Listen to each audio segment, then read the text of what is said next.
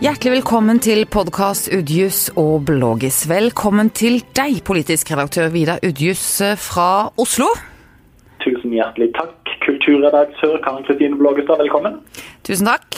Og hjertelig, hjertelig, hjertelig velkommen til deg, Petter Tollnes. Du sitter her sammen med meg i studio i Kristiansand. Og du er altså leder i Agder Venstre, og du sitter i Venstre sentralstyre og har hatt noen hektiske dager. Dette har vært en fryktelig spennende uke, som uh, hvor bare en for få dager siden ikke hadde trodd at uh, denne dagen skulle komme. Uh, så det har vært veldig mye jobb og veldig mange innspill og veldig mange hensyn som skal tas, men veldig fornøyd med løsningen.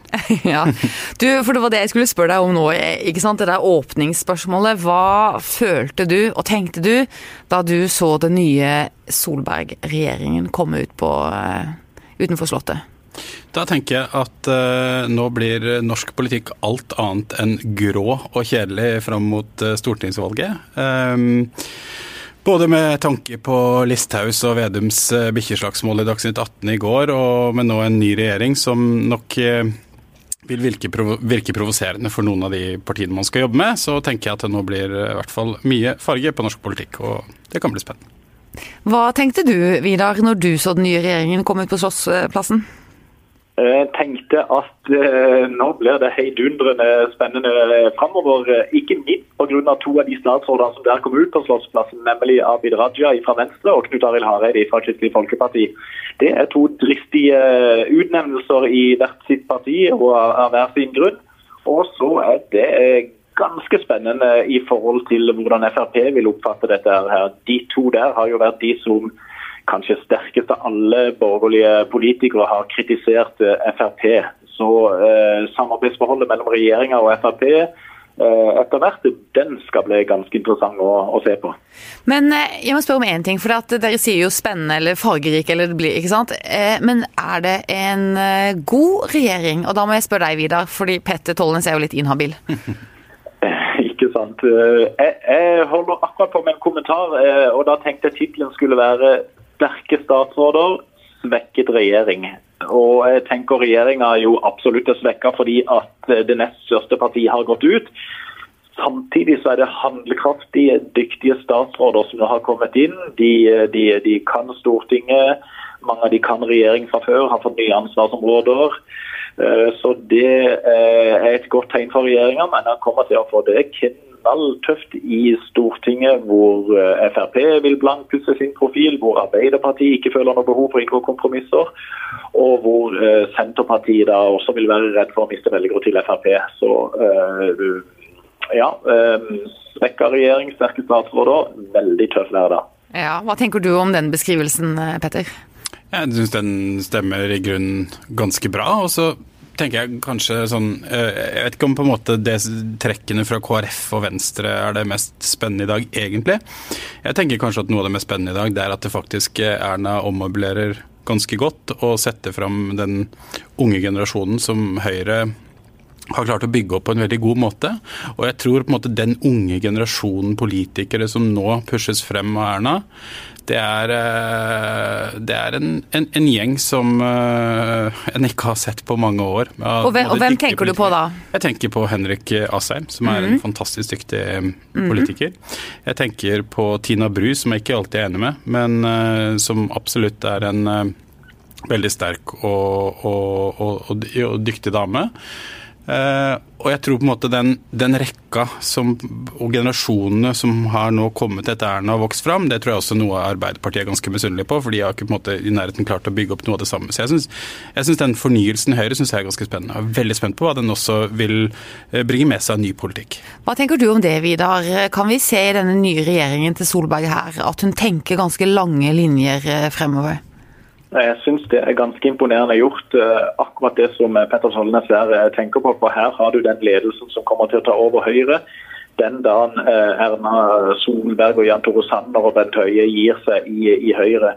Og både Tina Bru og Henrik Asheim, som, eh, som Petter nevner, i tillegg som Nikolai Astrup blir kommunalminister. Det er jo på høy tid at han rykker opp og får et tyngre departement. Torbjørn Røe Isaksen ble jo Nav-minister for, for, en kjempejobb. Men alle de der, der de, de, kommer til å være sentrale i norsk politikk framover. Så et veldig, veldig interessant grep av Erna Solberg å, peke på sin egen etterfølger blant noen statsråder her på denne måten.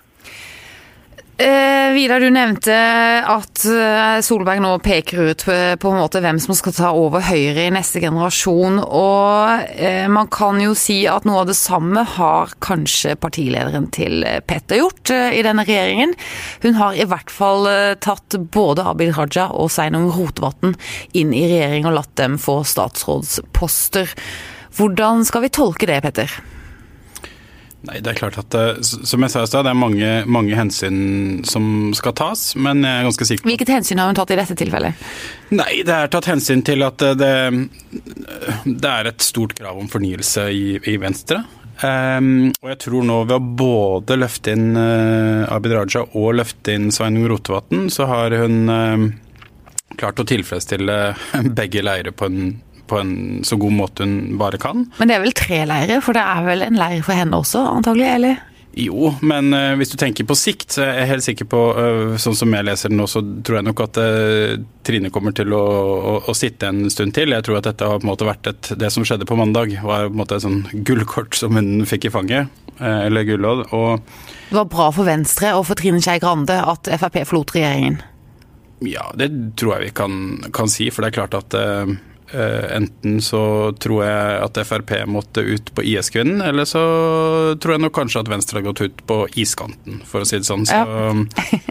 eh, jeg tror det blir lettere å vinne det slaget. Jeg tror det blir lett større handlingsrom både for KrF og Venstre, som gjør at flere føler at de kan puste litt lettere. Og så, samtidig så skal vi men de skal jo styre på Granavolden-plattformen eh, og de kompromissene som ligger i den? Ja, jeg registrerer at mange reagerer litt på det. Altså, Hvorfor skal man snakke om Granavolden, som var et kompromiss med Frp? Det er klart at det, eh, om man nå skulle sette seg ned og bruke én til to måneder på å finne en ny politisk plattform, så er det på en måte det spillet av tid. Og tid er det vi har minst av nå, på å klare å eh, gjennomføre det som faktisk ligger i Granavolden. Og så tenker jeg Det er jo ikke slik at i Granavolden er en sånn prioritetsliste hvor det står at måte, det skal vi gjøre nå, det skal vi gjøre nå, det skal vi gjøre nå. Det er jo en, en uh, rekke ønsker hvor ikke alt er mulig å få til. Og så, så, er det jo mulig å, for statsråden og regjeringen å kunne velge hvilke saker også de ønsker å løfte fram. Men uh, her ligger det mye, mange kompromisser, og så er det selvfølgelig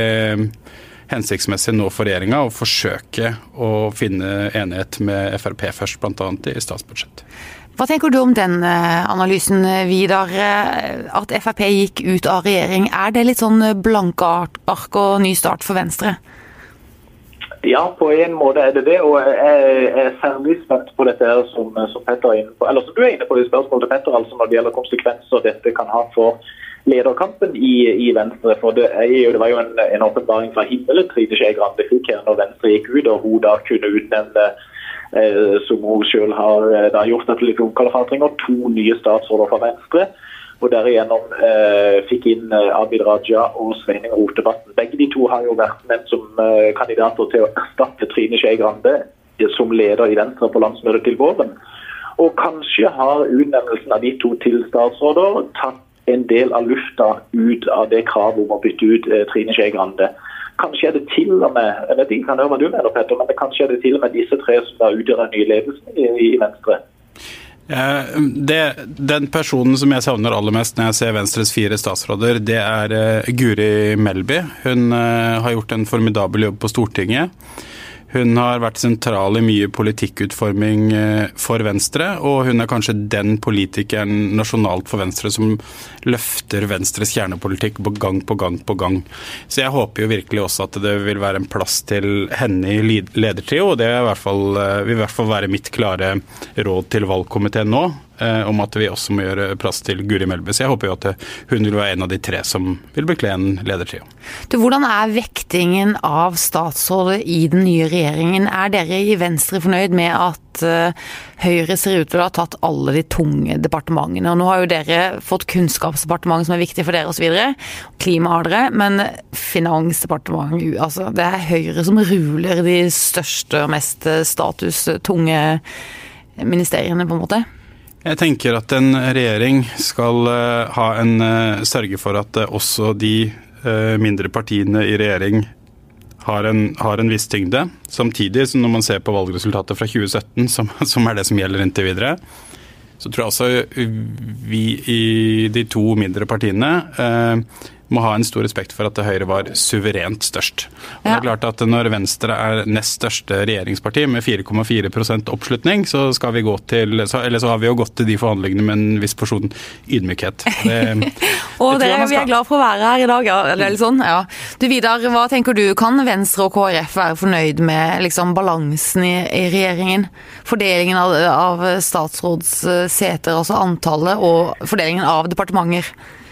Jeg tenker at Høyre er den eh, største vinneren i denne nye regjeringa. Eh, både fra det som dere snakker om, at de har fått eh, de tyngste departementene, og også da at de har vunnet i hermetegn 12-8 mot de to andre partiene. Samtidig som Petter sier, de to andre partiene, og KrF, er betydelig mye mindre enn Høyre. så på en måte var det naturlig at det, at det måtte gå sånn. Men, men, men selve politikkutforminga vil åpenbart bli, bli prega i stor grad av Høyre, som har statsminister utenriksminister eh, og eh, finansminister, i tillegg til mange andre tunge fagstatsråder. Men, men Venstre har fått uh, viktige departementer for de, uh, og så er jeg litt mer tvilende til hvorfor KrF skulle ha Samferdselsdepartementet. Men, uh, men, det ligger mulighet for både Venstre og KrF, absolutt. Det kommer litt tilbake til KrF. Må bare spørre, Var det viktig for dere å løfte Trine Skei Grande over i et i gåseøyne viktigere departement enn Kulturdepartementet, med, med, et større budsjett og en politikk som er mer tydelig i det norske ordskiftet, altså Kunnskapsdepartementet? Ja, jeg tror helt klart Altså Trine som både er uh, utdannet lærer, jobbet som lærer og alltid hatt et ganske stort hjerte for, for en uh, sterkere norsk skole, så, så, tror jeg det var naturlig for henne når vi nå hadde muligheten til å få Kunnskapsdepartementet. Men så vil jeg jo også si det, da, Vidar, at én uh, ting skal man jo legge merke til. Altså Vi gikk til valg i 2017 på tre hovedsaker. Eh, det var bedre klimapolitikk. Eh, det var sterkere satsing på skolen. Eh, og ikke minst også så var det et løft for, for næringslivet. Og nå har vi altså alle de tre departementene pluss Kulturdepartementet, så vi på en måte har fått lov til å Eh, altså, Våre departement følger våre hovedsaker, og det er selvfølgelig en klar styrke. også Eh, tenker jeg at det, det, det, Min analyse var at eh, KrF nå f.eks. skulle ta Helse- og omsorgsdepartementet. Eh, og Hvis du har sett på Ebba Busch Thors eh, suksess med å på en måte ta eierskap til helse og omsorg i Sverige, så trodde jeg kanskje at det var også noe KrF eh, så muligheten til. Og Det tror jeg kunne vært et eh, bra for KrF å få sak, sterkere sakseierskap. Tired of ads barging into your favorite news podcasts? Good news. Ad-free listening is available on Amazon Music for all the music plus top podcasts included with your Prime membership. Stay up to date on everything newsworthy by downloading the Amazon Music app for free or go to amazon.com slash news ad free. That's amazon.com slash news ad free to catch up on the latest episodes without the ads. På det feltet. Hva tenker du om det, Vidar? Det kunne jo vært en ny vei for KrF og en ny sak for KrF eh, hvis de eh, look to Sweden? Jeg må bare referere til den kommentaren som snart er ute, hvor, eh, hvor dette er et poeng. Jeg, jeg, ville, jeg ville tenkt, hvis jeg veldig hypotetisk hadde vært KrF-leder, at enten Kunnskapsdepartementet eller Helsedepartementet der har vi eh, politikk som vi mener er viktig for oss, og der har vi utsikt til å få eller styrke sakseierskap, så det bør være viktig for oss. Mens Samferdselsdepartementet er på en måte mer iverksettelse av eh, en haug med penger som det er relativt stor bred enighet om eh, gjennom de strukturelle grepene som er tatt, nye veier osv. Vel er KrF opptatt av jernbane, det er bra. men jeg ser nesten ikke at og dette er viktig for et parti som er i nærheten av sperregrensa, jeg ser nesten ikke at KrF får nye velgere pga. samferdselspolitikk. Men det, det, tror jeg de mener at de kunne fått på et par av de andre områdene der. Eh, Men hva tror du er grunnen Ja, fortsett videre. Nei, jeg skulle bare til å si at Samtidig som selvfølgelig kunnskap er kjempeviktig for, for Venstre, som, som Petter sier. og men, men, jeg hadde kanskje da tenkt at for Venstre er også samferdsel viktig. Uh, olje og energi kunne vært viktig. men uh, Ja, men det er, jo, det er jo strengt tatt ikke vi som bestemmer dette. Nei, strengt tatt så er det ikke det. Det er ingen som ringer og spør oss om råd heller. Vi må dytte det på dem. Men Vidar, hvorfor har de plassert Hareide da i samferdselsministerposten? Det så det spekulerte i litt tidligere i dag, at det var for at han ikke skulle få et så politisk departement, at det skulle være dette fagdepartementet, iverksettelsen av eh, politiske vedtak det er nokså bred enighet om osv. Er det, for å gjøre han litt, er det for å gjøre han litt grå, for ikke å gjøre han så politisk i regjering, når han først har fått denne utstrakte hånden? Jeg tror, jeg tror aldri Knut Arild Hareide kommer til å bli grå. Eh, og Han er en veldig populær politiker langt ut forbi KrFs eh, egne grenser. Eh, samtidig har han jo også som KrF-leder tidligere slitt med å omgjøre den populariteten til prosentpoeng for, eh, for KrF på gallupen. Men eh, jeg tror det er viktig at når han først skal inn i regjering, så er det så er det bra for regjeringa at han ikke styrer et departement hvor det kan ligge viktige og store konfliktsaker i forholdet til Frp. Eh, de har styrt dette departementet nå i seks og et halvt år, og Hareide kommer til å overta det. Kanskje gjøre noen justeringer, men ikke, ikke en brå omlegging av den kursen, er min oppfatning. Tror du Hareide er fornøyd med å ta over Samferdselsdepartementet? Ja, jeg tror han, Når han først kommer tilbake, så tror jeg han er veldig fornøyd med å, med å være i eh, regjering. Han, han, er jo som alle andre av disse her, et politisk dyr. Og, og, hans store politiske prosjekt for ikke veldig mange år siden, det var å føre KrF tilbake til regjering. Så gikk det som det gikk, og så uh, var det da Kjell Ingolf Ropstad som gjorde det. Og så gikk det som det gikk, og så er han nå tilbake igjen, uh, overraskende nok. Så uh, det, politikken er jo, er jo helt vill, eh, vilt overraskende nå for, nå for tida. Og det er jo bare fascinerende å prøve å henge med i svingene. Men du, jeg så at eh, han skal liksom Han tas inn nå for å bygge litt bro og prøve å plastre litt i sårene som har vært i KrF etter at de hadde den ideologiske kampen. Men noen mener jo også at når han er inne igjen nå så tungt representert i regjering, så vil disse sårene ikke gro. Nå vil det fortsatt være litt ideologisk dragkamp i KrF, og liksom den uh, Det blir ikke ro rundt det veivalget. Hva tenker du om det, Petter? Nei, altså Nå er det halvannet år siden veivalget til KrF, og, og, fortsatt en dag i dag så ser man nesten daglig at det brukes uttrykket rød KrF-er og blå KrF-ere. Ja. og jeg er ikke i tvil om at den beste måten Det er ingen som er gule KrF-ere, det er det ingen som er lenger. Veldig, veldig få, vi har vel Grøvan som er gul, men, eh, men det er helt klart at det, den den, den, det er så viktig å bygge bru her sånn, og klare å legge dette bak seg. Så jeg tror det er på en måte klokt at man har på en måte to røde og to blå eh, for KrF i regjering. Og så tror jeg også med, vi viser på en måte både at Ropstad og Hareide jobber godt sammen i regjering. Og det å klare å måte, jobbe seg nå sammen, det tror jeg kan, kan være godt for eh, healinga innad i KrF. Og så tror jeg de har et veldig sånn, sterkt ønske om at denne rød og blå merkelappen omsider forsvinner. Hva tenker du Vidar, du er jo i Norge nå en av de største KrF-ekspertene. Tett på mange, mange KrF-politikere fra Sørlandet. Hva tenker du? Ikke sant. Nei, jeg syns det er interessant at en skal ikke snakke lenge med mange KrF-ere før det også kommer fram skepsis til eh, Knut Arild Hareide. Som sagt så er han jo veldig populær. Han er jo en veld, veldig trivelig og bra eh, kar, og så er han i tillegg veldig populær. Men det er også en del som, eh, som trodde at eh, når først veivalget var foretatt og det var pekt ut en retning og partiet hadde hatt som mål å bli tydeligere, så kan det oppfattes som en retur til det utydelige når eh, sjefen for den retninga som tapte, nå igjen kommer tilbake i regjering og får en sentral posisjon der. Så det er, det er ulike oppfatninger internt i KrF.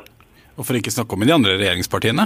Eh, jeg tror vi er mange som husker hvordan eh, Hareide omtalte både høyrefolk og venstrefolk, for å si det sånn. Så det er ikke noe sånn der udelt uh, begeistring i, de andre partiene heller, men Men, um, men Erna Solberg snakket varmt om han i, dag på pressekonferansen sin? Definitivt, men, men, hun sa også ganske tydelig, hadde en tydelig oppfordring både til Hareide og til Abid Raja om at det her må man på en måte jobbe hardt for å også bygge opp til tilliten også til de andre partiene. Så det er klart en tydelig oppfordring som, som kom der fra Erna, som jeg tror begge to tar på det største alvor. Mm. Du, Vidar Udjus, politisk redaktør, jeg må spørre deg. Hvis du hadde vært eh, og dette er et veldig tenkt tilfelle, men hvis du hadde vært Jonas Gahr Støre i dag, hva slags refleksjoner hadde gått gjennom ditt hode da?